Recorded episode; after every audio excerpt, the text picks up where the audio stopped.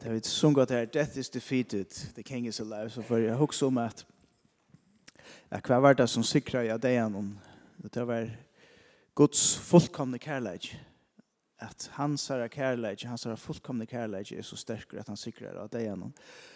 Og til reisen galtan til ui okkar av løyve, ta vi der og i troplun støvun og ta i stormeren, um, leikar ui, så er det hvert er det som sikrer av ödlene som til Guds fullkomne kærleik.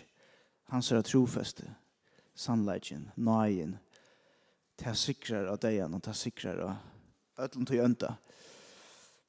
Um, ja, jeg har sett meg enda nok så ambitiøsa oppgave fire, og ja, ja, skal røyna gjøre mitt beste. Jeg har fem uh, syre notaten, for så tjekk hos lengt.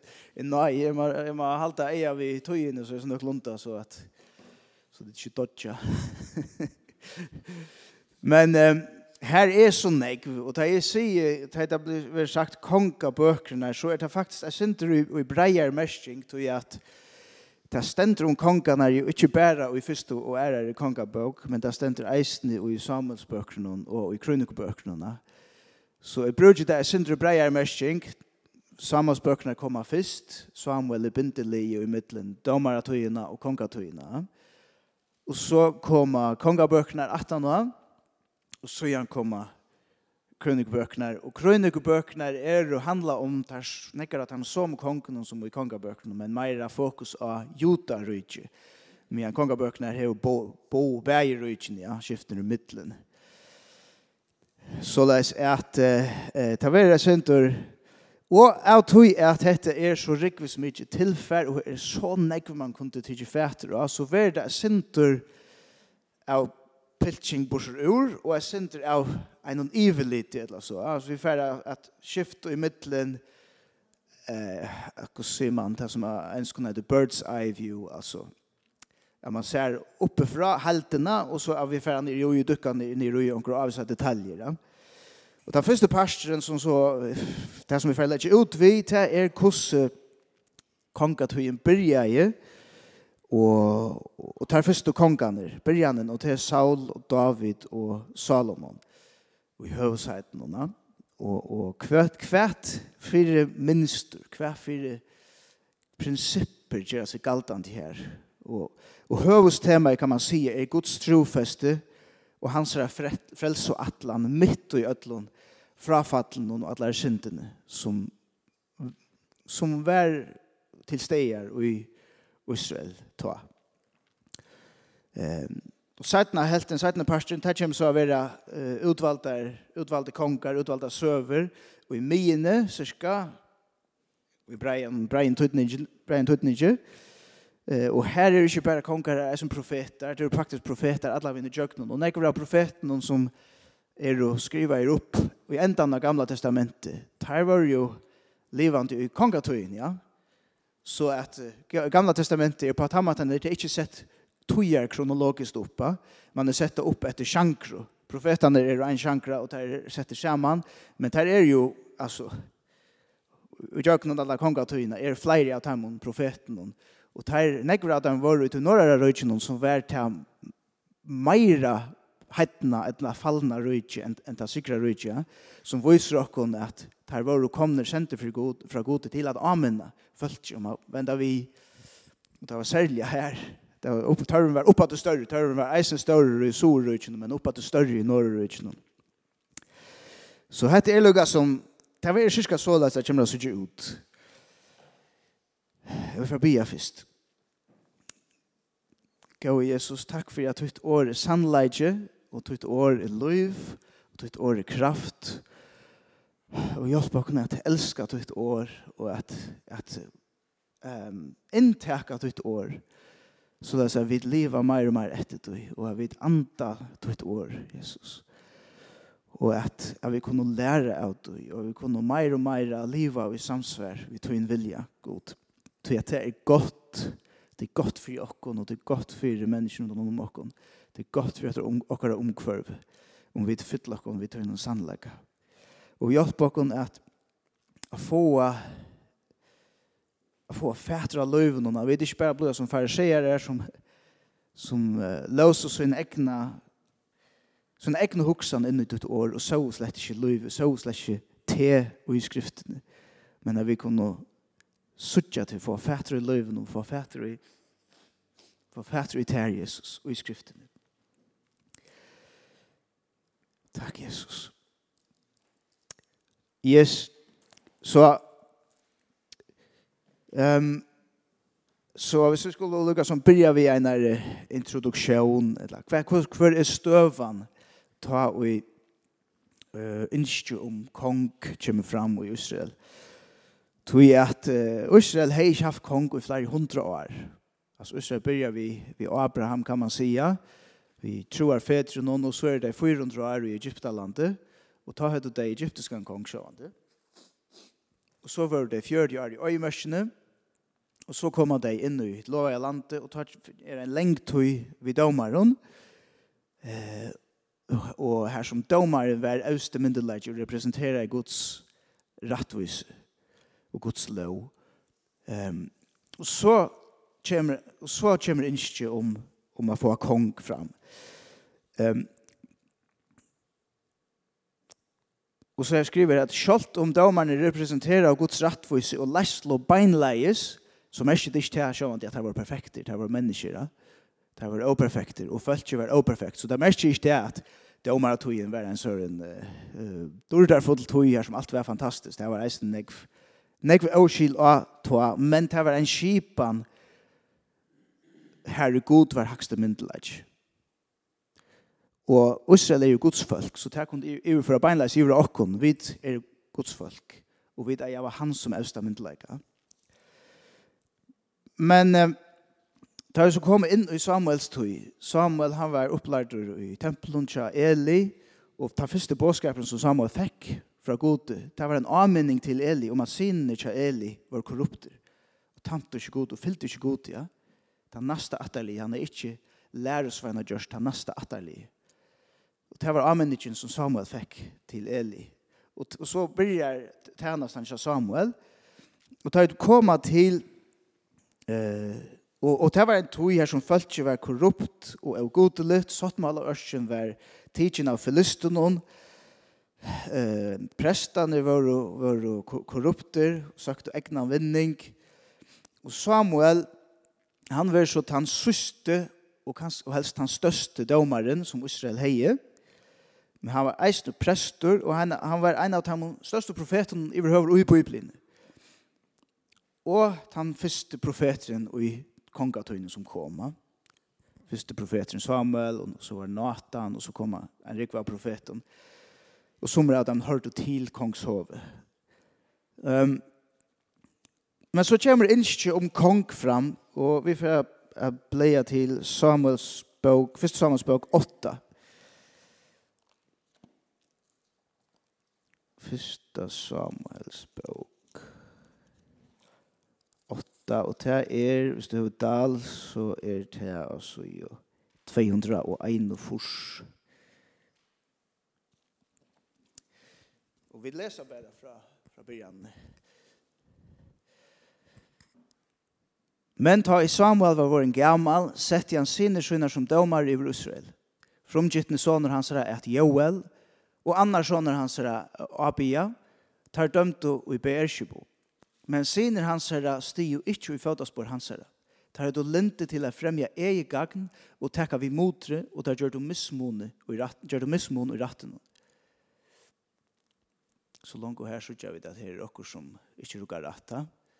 Den første bådskaperen som Samuel fikk var til Eli om sinner hans herra, at det ikke fyllte hans herra fødasporen. Og nå gjør Samuel sinner, det samme, det fyllte ikke hans herra fødasporen. Um,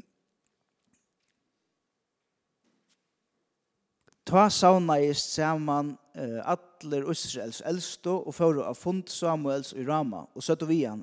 Så i var våren gammal og sinner tøyner stod jeg ikke i fødasport tøyner. Se tøy kong iver okkon til at døm okkon ein så atler æra tjauer heva. Men det er domt ikke Samuel at han søtte tjau okkon kong til at døm okkon. Og Samuel for å bia til herrens, ta seg i herren vi Samuel, lea til etter følgjene i ødland som tar bia til om, um, till att här hava till att inte här hava där hauna men mer hava där hauna så att Emma inte vara konkurt här. Og så leis hava gjørst fra tog deg leite ter ut ur Egyptalandet, og fram at hesen deg tar hava givet med ivor og tjena øren goden. Og samme hatt hava eh, bera tar seg nu et i det her. Men leia til nu etter dem.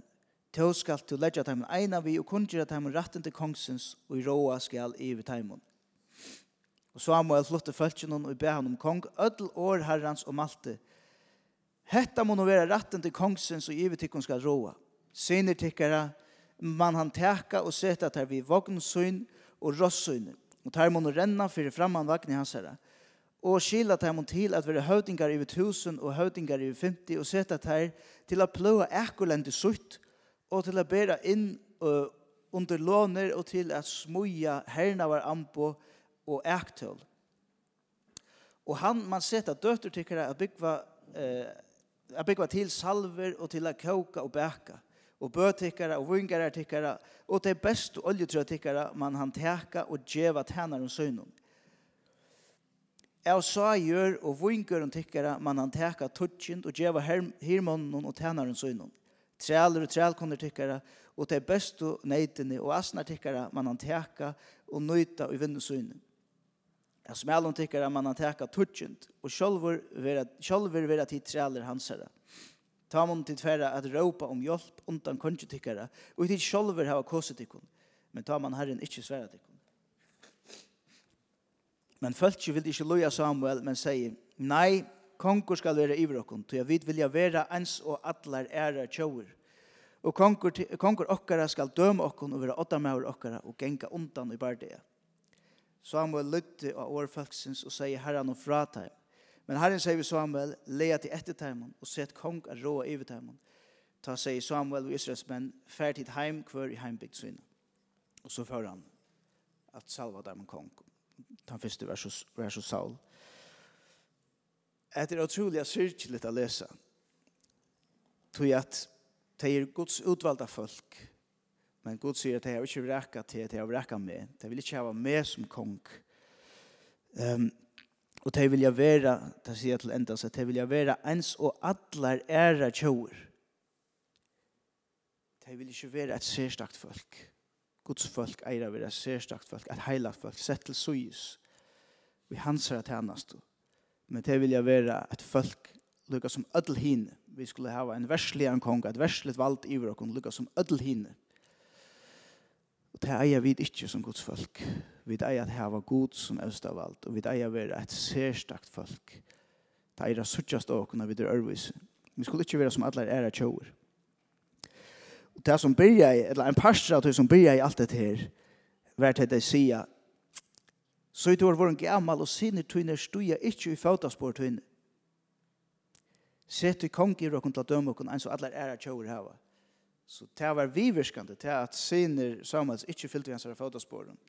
Det var viverskande til at falt ikke vreka i. Det er skipanna. De sier det vi Agnar Jarsin, ja, men det var ikke bare funnen fressur. Jo, det var det. Det var frafallet var langvært. Jeg skulle bare hava en omkyldning. Men korsene så så er det vit, vit har arbeid av at gjøre at han næste litt klost. Vi tar arbeid av at sette vi.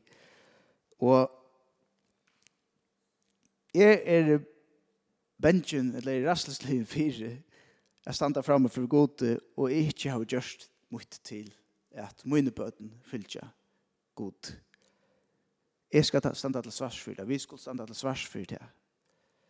Og sjåvande, vi kunne ikke garantera nekka, vi kunne ikke, altså, synes det vel, synes det enda er det tarra egna vel, ta nasta atterlige, men jeg vil gjøre mot, for at ta nasta atterlige fyllt god at ta nasta atterlige, for å halda fram i hans høyre tennast, og i hans høyre rujt. Så her var tvei ting, etla, etla her var tru ting, ganske, frafall, folksins, og at ta neste atterlivet er ikke lærer sveina gjørst, og ta tria at ta tria at det var til at folk ikke ville være ens og alle henne. Um, og man kan, kan kanskje eisende si at eh, ta jeg sier att sinne ikke at jeg fyllt ikke tunne føddersporen, så är det jeg sinne som tar vit se ja, men här så här livet slett som kristen. Alltså vi ska det komma till alltså kyrk menar jag när läsa kyrkan här ta ta leva på andra matan ta ta är så vanlig kristen det är inte det samma vid eia fylgja gode og ikkje menneskjon. Vi der fylgja gode og ikkje menneskjon. Og vi der ikkje vreka samkomna til at hun er operfekt. Sjålvan er hun operfekt. Hun er gjørt av menneskjon. Så, og dette har man så ofta jag har själv en vän som säger til att men han han kunde ikke svära till nära menighet han fick inte det som han, som han ville häva i nära menighet jag er det Hatta er totalt skarver innstilling. Du skal også øvut. Hetta manglar i som meinen. Hva kan jeg gjøre for at oppfylle noen tørven? Vi har bruk for kornøren. Nettopp tog jeg videre og perfekt. Ok.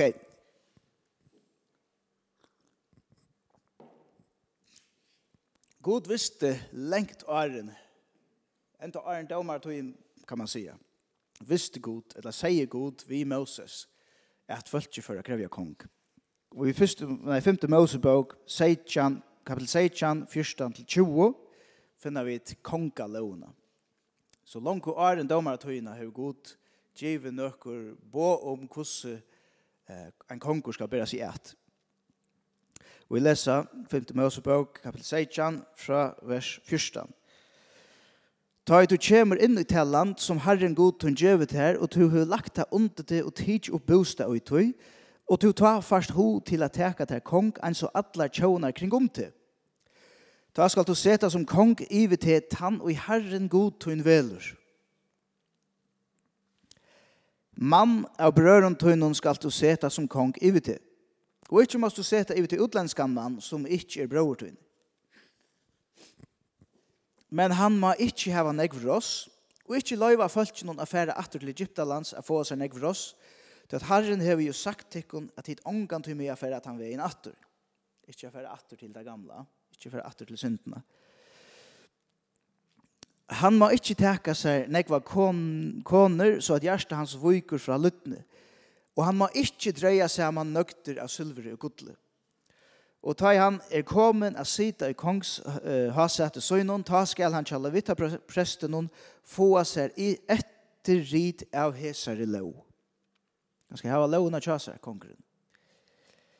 Og han skal hava na kjasar og lesa ugen i allar evdegar søgnar til tess at han lærer at öttast herran godsøgn og trolig halta ödel på og hese lov og hese skipaner, så at han ikkje i hjärsta sønnen erspa seg i brøversynar og kvørst jo vugur til høyre eller vinstre fra på til tess at han og syner hans med å sita vi rei lengar tøyer og Israel. Det vil si at loven skal gjøre han eimjukan og syrja fyrir at han ræver og syner hans råa lunch. Sannleikjen, Guds år, skal halta han eimjukan.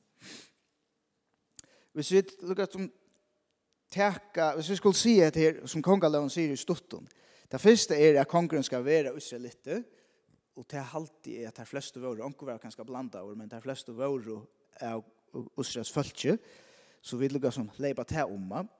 Det neste til er at man skal ikke savne seg negv ross ur Egyptalandet, til nummer 1, ikke teka seg negv koner som leier til ålytene, til nummer 2, og nummer 3, ikke savne røygedøm i undersø, og nummer 4, hava avrit og forresten eh, sendte heina etla onkurna tykkun et ivelit over hessar her disse prinsippene eller så boiner kan ta komme på her? Oh, ja.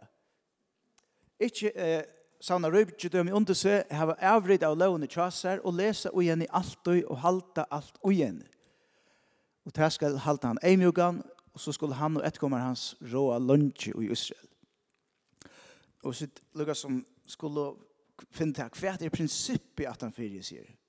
Ikke sann at han eger ross ur Egyptalandet, og her leser jeg at ein, at man heldur at hette er tog at, og tos, man ser helt opp til Salomon, Salomon ser man at Israel heva under ross. Det brukar muldjør og, og asner, og i krutje brukar det slett ross. Sjalt om hiner, uh, fortjentene heva flere tusen reimen og våknar, så brukar det ikke det. Og man heldur at det hever nekka vi at Israel skulle luta av god til å verja seg. Og ikke av sine egnu styrkja, ikke av sinne ekno hermei. Og så var det til at Egyptaland var den største utflytaren av rossen i mye estri tatuina. Og nekva land fyrir til Egyptaland som skaffa seg ross, og Egyptaland kravde imens at det fyrir, allianser ofta. Og god yngst de ikke at Israel skulle fære atter til Egyptalands og, kom, og fære, faktisk fære på kompromis. God skulle løyta av god først og fremst. Og ikke fære atter i høstla i, i, i Egyptaland. Eh så det snur, så det första det snur sig om att ha allita var alida god. Løyda god, han rockar av frälsa och bjärging. Och ta nästa, inte ta teka några koner som leder till avlutene. Det här också jeg til tvei ting, att det som stender i Nya Testamentet, ikke fære under ojant åk. Inte för i ja, ett kan man säga att att det tunar band det är också öppenlust det är ofta det är ofta vi pratar men kanske eisne inte att lägga sig under näka som ger till att du måste gå på kompromiss vi tunna trick. Ehm um, och så att varvaita sig avspiltarna hemmen hon. Ty att sedan kommer vi till konna till Salomon som faktiskt för att ha stora avskan av han och hemsens tankagångt för att avvärska hanna. Och han blev tölter till avgodadiskan. Så man kan säga att det här värvajta sig avspiltan av heimen som Jakob är sin, jag Jakob som säger det, nu testamentet.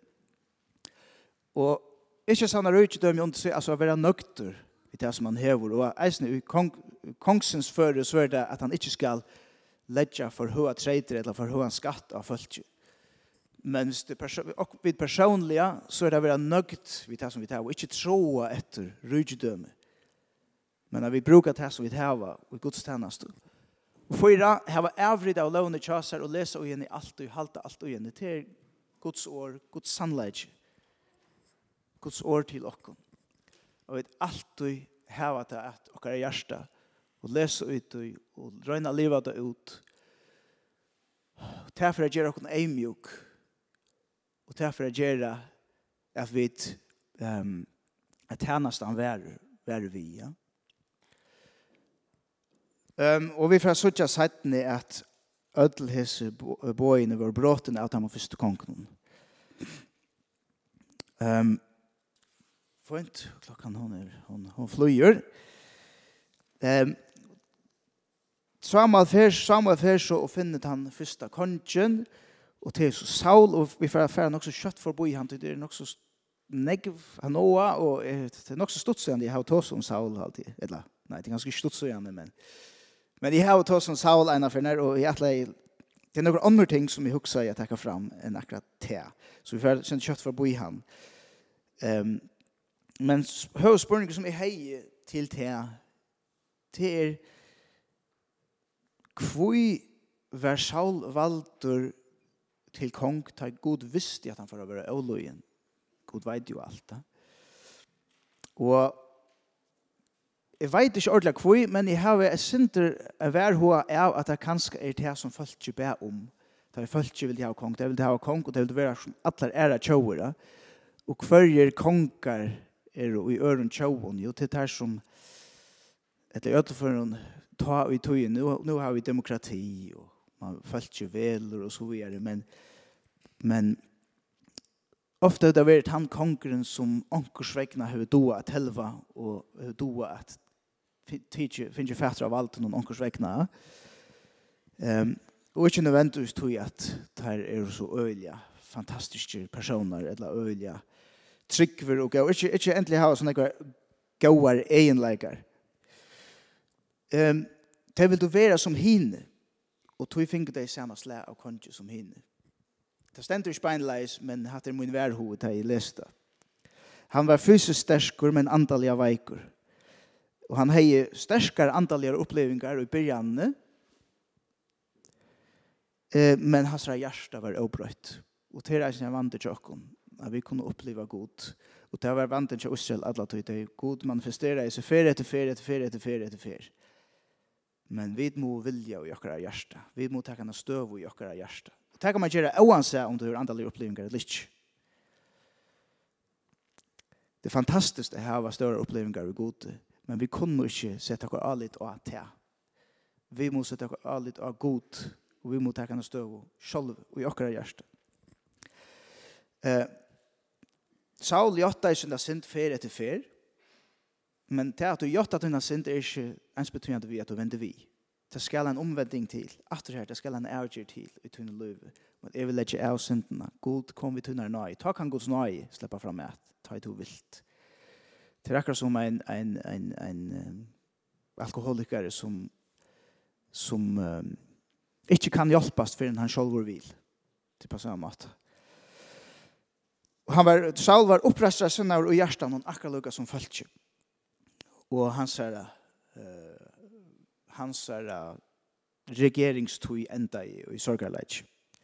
Og god räcka i han. Og valde Saul enda med han, Nei, valde David enda med han Saul var konkur. Lengt en Saul sa tui enda i var David valgte. Og ta ville god velja seg en som var etter hans egna hjärsta. Og som de som stod i kongalån, ja, god skulle velja, velja, välja en.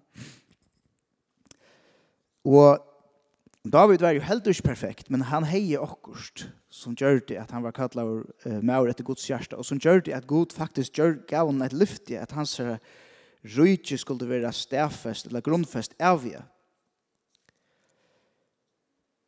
Og hvis vi færre atter til at her, hvis vi kan få det her på atter, uh, heine, eller jeg vet ikke hvor det er som sitter her atter, så sitter bare, det er heine, ja? um, Nummer fyra var kanskje det som David brente for, ja. Det første, et av første som han sier, da han tenker vi til i salsa tog hyrte vi ikke om sottmåløsene. Og så renner der finner han og får fætter igjen i attera. Og settene så fer han, fer det kommer til hans hjerte, bygger god i hus. Og så i Salomon og leser ut om hvordan han frøyest om Guds lov, og leser igjen, leser igjen henne i avhaltant, ja. Så han er helt i nummer fyra. Og det er helt til han eimjukan. Og tog vendte han eisen vi, tar han synda, ja. Og så skulle han og etkommer hans råa lunge i Israel, og til det som Gud lova gjennom. Og Gud, og til det fysiska rujtje, det var det langre i hans herre parste av rujtje noen, men vi vet jo at det er vi rujtje, til det er et andales rujtje, ja. Det peker fram til Jesus i Nye Testamentet, og heldig så framlyka til okkar tog, ja det er faktisk det lyftet, det verliga lyftet som god gjør honom her. Tog at han var tryggvor og i at elska Guds år, at elska Guds sannleika. Um,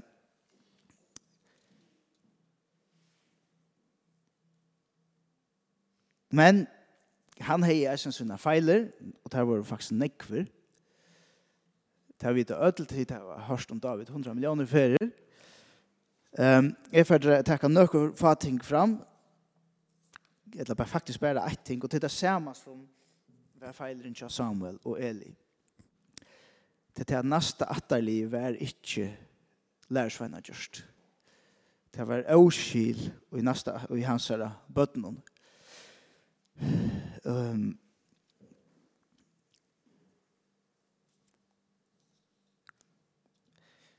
han helt kanskje helt ikke hese boyen 100% altså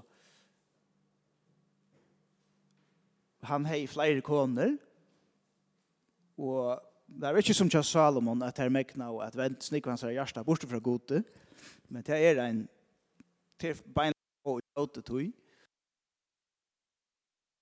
og sånn um, jeg halte i nummer 3 så var det senter av, av Rødgjødømme Sauna, ja.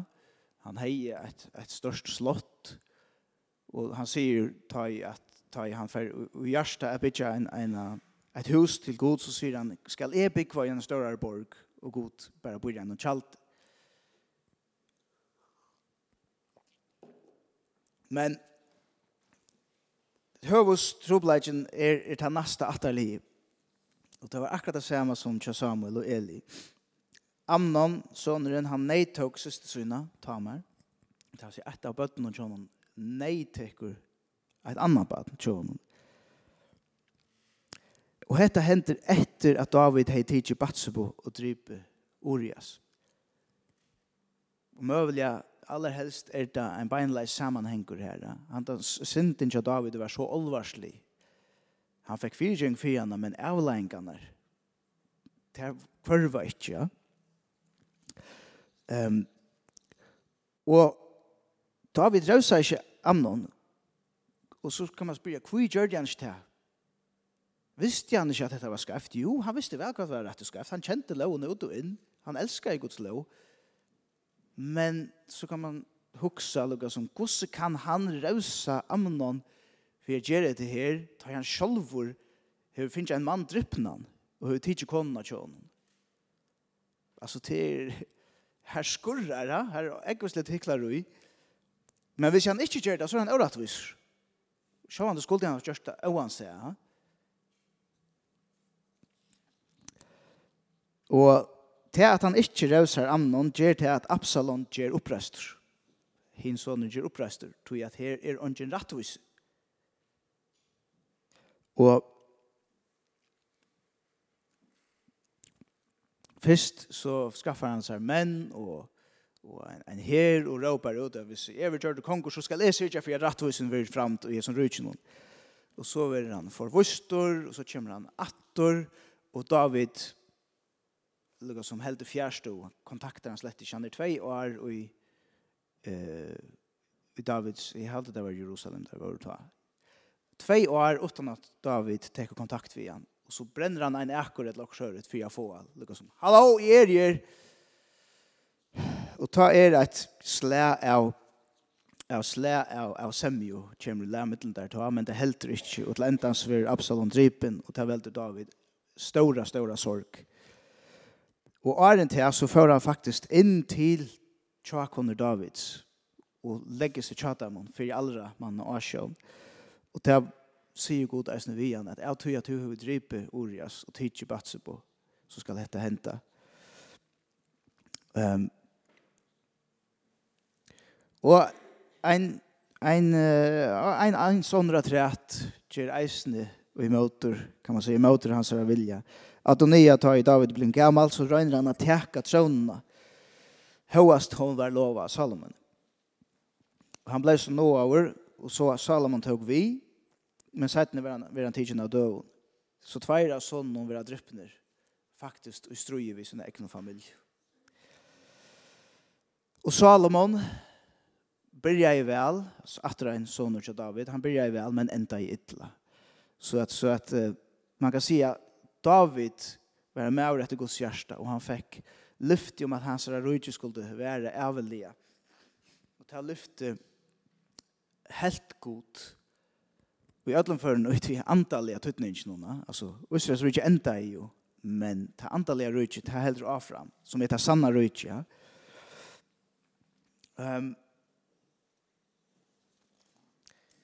så her sørger vi et minster, at vi, vi kunne være så gode som vi vilja, eller som, som, som det nu blir til, men vi må også om at hvis vi snakker skal være, så måte overføres til neste atterlig. Vi må ha et langere sjønnerhånd enn bare okkar egna, okkar egna liv. Um, så vi så takker Salomon, så var byrjan en øyla gå, god byrstes fyrir honom, uh, og djever honom nekra møvlegar, og Salomon vel rett, han sier, kan du gjøre mer visdom så kan råe seg følge noen. Og det er den bønnen som vi så kan døme etter følge rettvist. Og det er den bønnen som vi eier bia god om.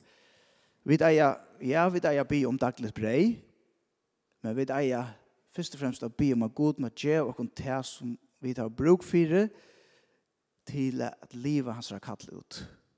Gjøre og det som vi tar bruk for så skal vi kunne gjøre reisa ta nasta at ali upp.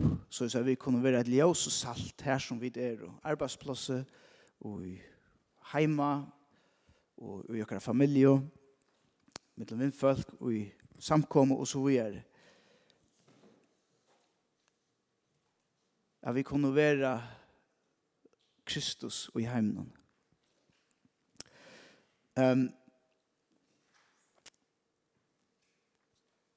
men Og han bygde god til hus, og ta byrstes god av øren sinne fyrir honom.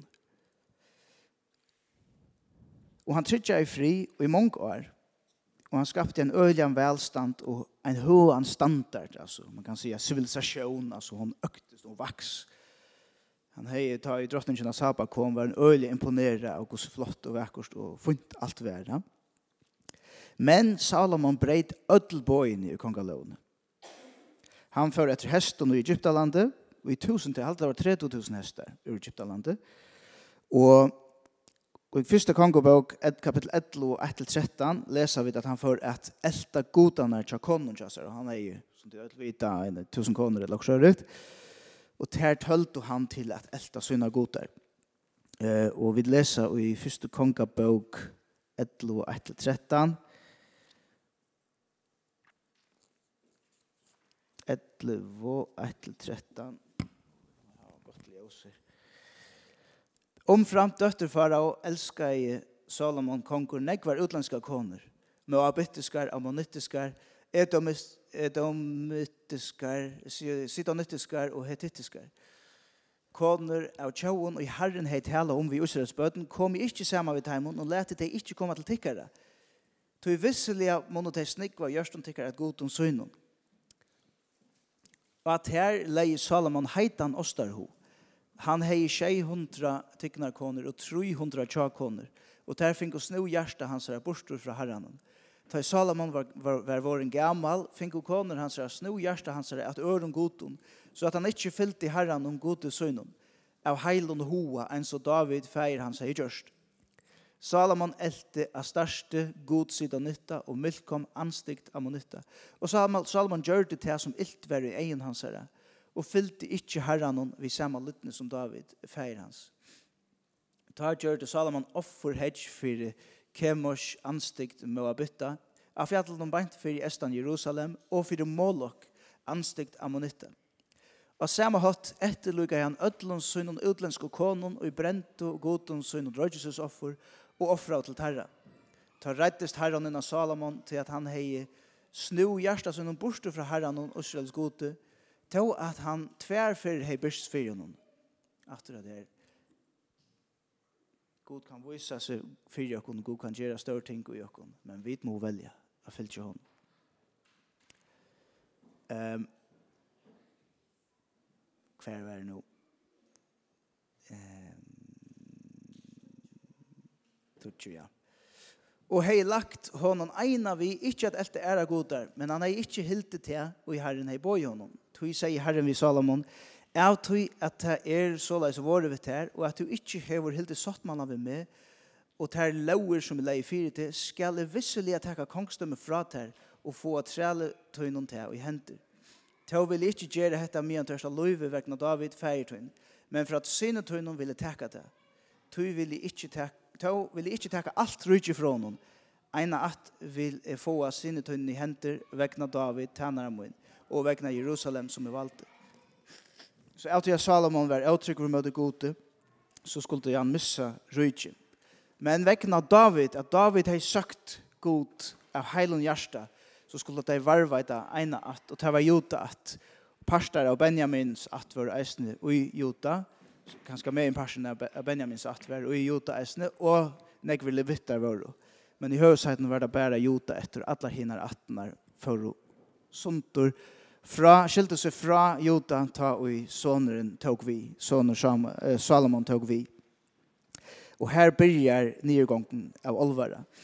Og for jeg viser hvordan olvarslet dette frafallet av Salomon er, så, så kan man spyrja seg hva är detta for godar som han för att offra till och for å fylltja av största och milkom och kammos och molk.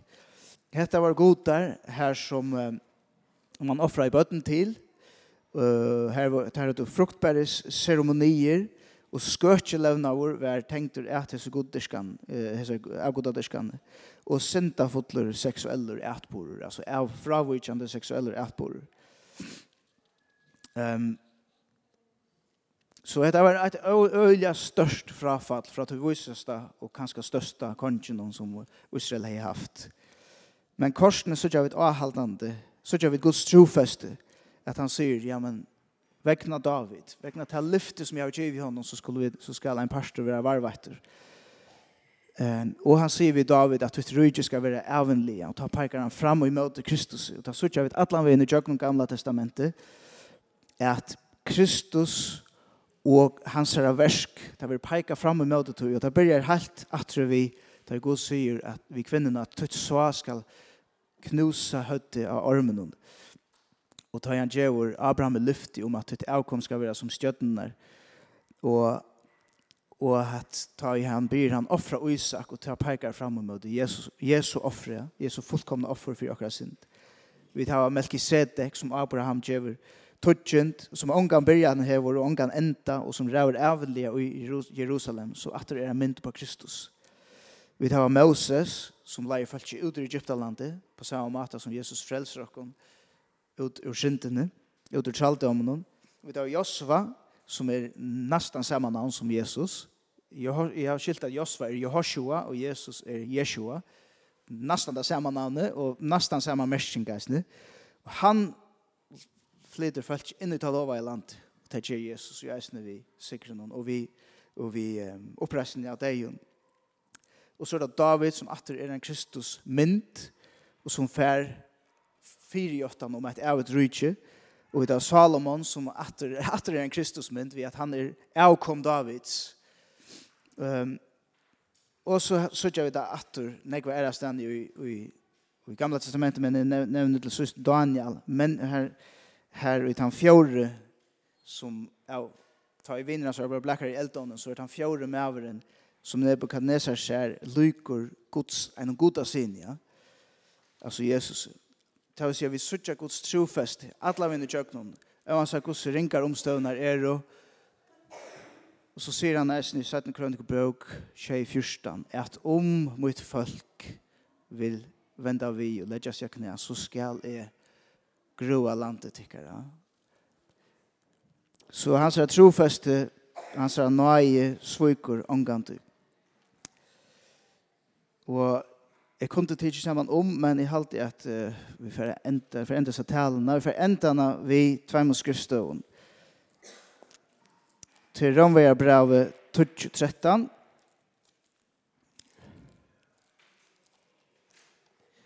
Romvegar brevet 13, og 13, og det dit.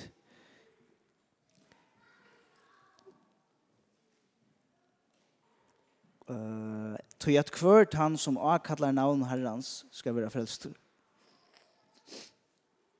Og så 5. Mosebok 4, 22. Det er for å være det siste.